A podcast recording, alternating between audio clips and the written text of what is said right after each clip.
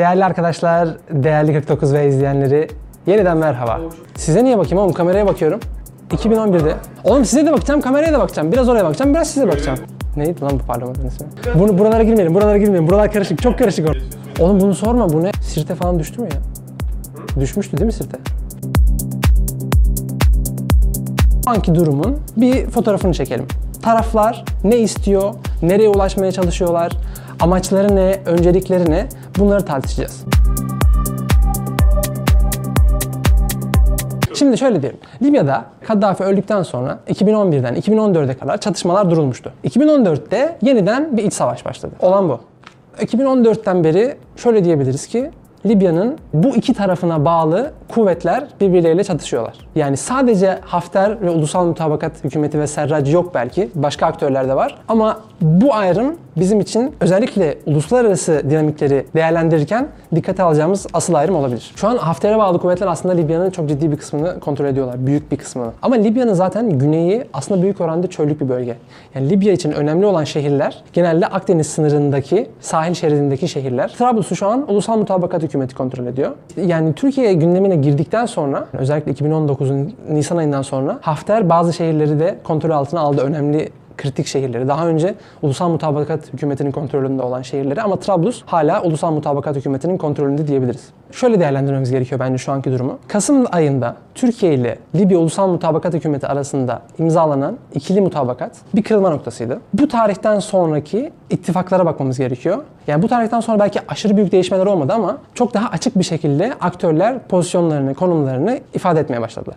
Önce bu kırılma noktası ne anlama geliyor? Bunu bir söylememiz gerekiyor. Daha önceden Doğu Akdeniz'deki mücadeleyle Libya'nın içindeki iç savaş birbirleriyle irtibatlı ama birbirlerine paralel iki kriz halinde ilerliyordu. Şimdi burada artık Libya'nın iç savaşının neticesiyle Doğu Akdeniz krizinin sonucu birbirinden ayrılamaz hale geldi. Libya'da kim kazanırsa Doğu Akdeniz için bu çok belirleyici olacak.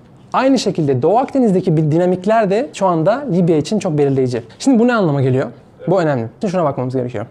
Libya'da taraflar kimi destekliyor? Bu iki taraftan yani Serraj liderliğindeki hükümet ve Hafter liderliğindeki askeri gücün hangisini destekliyor?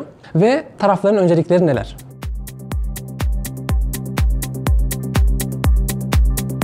Taraflar aslında biraz karışık. Çünkü çatışmanın başında tarafların etkisiyle şimdiki etkiler arasında bir fark var. 2014'te çatışma başladığında Hafter'in arkasında öncelikle Mısır vardı. Rusya biraz olayın içindeydi, biraz değil gibiydi. Ondan sonra Birleşik Arap Emirlikleri de dahil oldu. Suudi Arabistan, Türkiye biraz daha etkisini arttırdı. İtalya'nın etkisi azaldı vesaire derken ortalık karıştı yani. Şimdi öncelikle Avrupa Birliği ve Avrupa Birliği'nin içindeki aktörlere bakarsak şunu göreceğiz. Avrupa Birliği olayın başından beri aslında ulusal mutabakat hükümetini desteklemeye çalışıyor. Buraya yakın durmaya çalışıyor. Daha doğrusu çalışıyor derken şunu kastediyorum. Burada tek bir görüş, tek bir duruş ifade etmeye çalışıyor. Ama İtalya ve Fransa arasındaki ayrım buna şu an çok izin vermiyor gibi. Avrupa Birliği için buradaki en önemli meselelerden bir tanesi buradan gelen göçmen akını. Çünkü Libya'da kriz dolayısıyla insan ticareti ağları oluşmuş durumda. Buradaki milisler, buradaki insanların Avrupa'ya göç etmesine aracı oluyorlar. Dolayısıyla Avrupa'dan gelen fonlar bu milislere aktarılmış oluyor el altından. Ve burada böyle bir sektör oluşmuş durumda. Avrupa Birliği için bunu durdurmak en önemli önceliklerden bir tanesi. İtalya için de buradan gelen göçmen akını çok önemli. Çünkü Libya'dan ilk adres İtalya oluyor. Bu sebeple İtalya, Libya'yla yani Libya Ulusal Mutabakat Hükümeti ile 2015'te buna yönelik bir anlaşma imzaladı. Dedi ki biz size gelen göçmenleri size geri iade edeceğiz ve ciddi bir kısmını da geri iade ettiler. Ve çatışmada da Ulusal Mutabakat Hükümeti'nin yanında duruyor. Bunun yanı sıra Libya'nın buradaki konumu aynı zamanda Doğu Akdeniz krizindeki konumunu da etkiliyor tabii ki. Doğu Akdeniz'de de Mısır, işte Kıbrıs Rum kesimi, Yunanistan ve Fransa Türkiye'nin Libya ile olan mutabakatına tepki verirken İtalya buna katılmadı. Sessiz kaldı burada. Fransa'ya gelecek olursak, Fransa ise İtalya'nın tam aksine Hafter'i destekleyen tarafta duruyor. Fransa burada Birleşik Arap Emirlikleri ve Mısır'la birlikte Hafter'in ardındaki 3 ana askeri gücü teşkil ediyor. Fransa Hafter'in ardındaki temel finansal güç aslında. Mühimmat desteği de veriyorlar. Şimdi Fransa burada Hafter'in yanında yer alıyor. Aynı zamanda Doğu Akdeniz'de de Mısır, Kıbrıs Rum kesimi Yunanistan bloğunun içinde yer alıyor. Bunun sebeplerinin en önemlilerinden bir tanesi Kıbrıs Rum kesiminin kendi deniz yetki alanı içerisinde Fransız petrol şirketlerine, arama şirketlerine arama yapabilmesi için izin vermiş olması. Evet. Dolayısıyla Total de var. Fransa hem Doğu Akdeniz'de Türkiye'nin karşısında yer almış oluyor hem de Libya'da Hafter'i destekliyor. Şimdi Hafter'in arkasında başka kim var? Bu önemli bir soru. Hafter'in arkasında aslında çok geniş bir koalisyon var diyebiliriz. Yani bunun içinde Birleşik Ar- Arap Emirlikleri de var, Mısır'da var, Suudi Arabistan'da, Ürdün de bu işin içinde. Ama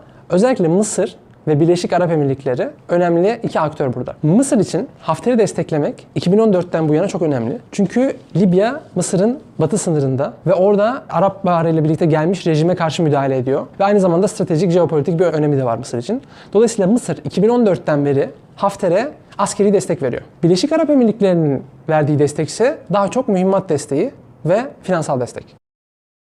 ABD bu krizin başından beri krizin çok içinde değil. Ne demişti Amerika, şey Obama? Siz girin demişti. Biz sizi destekleyeceğiz ama biz kendimiz girmiyoruz. NATO girmişti. NATO'nun müttefiklerine Obama destek vermişti. ABD evet bir taraftan olayın içinde gibi ama birincil bir aktör değil burada. and I am fully confident Şimdi Rusya meselesi şu beyler. Rusya aslında 2014'ten sonra savaşta o kadar da etkili bir aktör değil. Yani kendisini biraz daha ikinci seviyede tutuyor. Ama savaşın ilerlemesiyle birlikte Hafter'le olan bağı tabii giderek arttı. Burada özellikle Rusya'nın verdiği ekonomik destek önemli. Yani Libya'nın doğusunun Hafter'e bağlı kuvvetlerin parası falan Rusya'da basılıyor. Yani böyle bir bilgi var.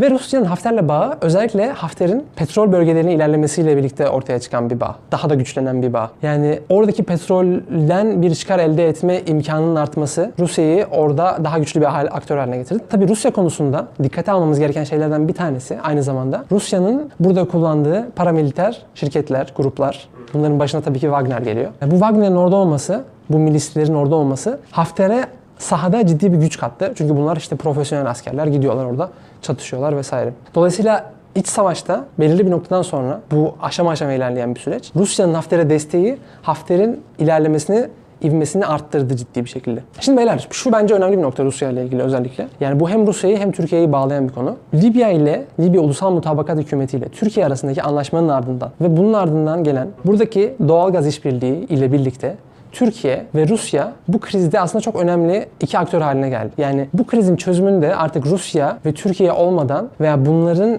çıkarları gözetilmeden bir sonuca ulaşılması artık mümkün değil gibi. Bunlarda tabii ki şu da, şu da var. Yani sadece doğalgaz dengeleri değil buradaki. Aslında asıl önemli olan sahada Türkiye'nin ve Rusya'nın artık buraya bir yatırım yapmış olması ciddi şekilde.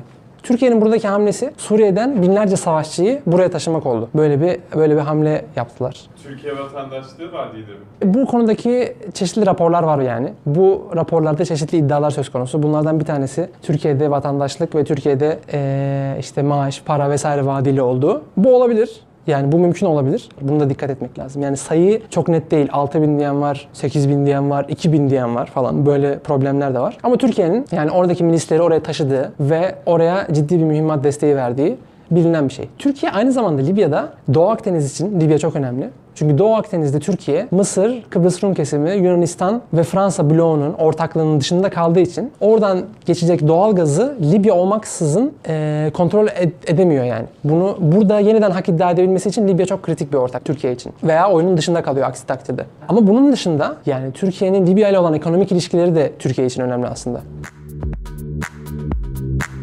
Libya'nın bir Akdeniz krizi haline gelmesi, bütün aktörlerin çok ciddi bir şekilde angaja olduğu bir kriz haline gelmesi daha son düzlükte olan bir şey. Özellikle Nisan ayında Hafter'e bağlı kuvvetlerin Trablus'u ele geçirmek için başlattıkları bu 9 ay boyunca süren saldırılar bunlar bence daha etkili oldu şu anda özellikle gündeme gelmesinde. Çünkü Trablus'un düşmesi demek Libya'daki dengenin tamamen alt üst olması demek aslında. Ama Trablus düşecek mi düşmeyecek mi şu an bu da belirsiz yani. Yani bu kadar zirve toplan işte geçen Berlin'de zirve toplandı. Moskova'da toplandılar. Ee, ateşkes ilanı vesaire durumları oldu.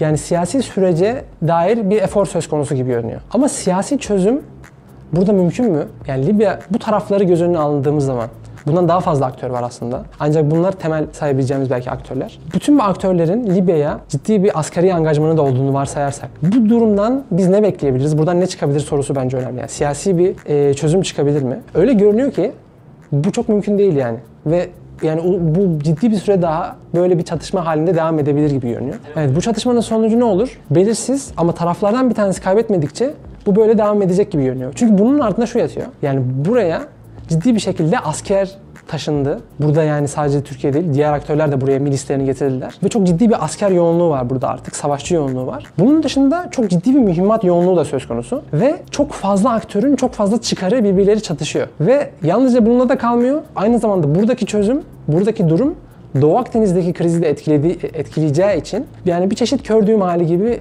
bir durum var diyebiliriz. Arkadaşlar sunumumuz bu kadardı. Arkadaşlar videomuzun sonuna geldik. Sonra ne diyecektim ya? Ha evet. Tamam söylüyorum. Arkadaşlar videomuzun sonuna geldik. Umarım beğenmişsinizdir. Faydalı olmuştur sizler için de. Şu soruyu sormak istiyoruz.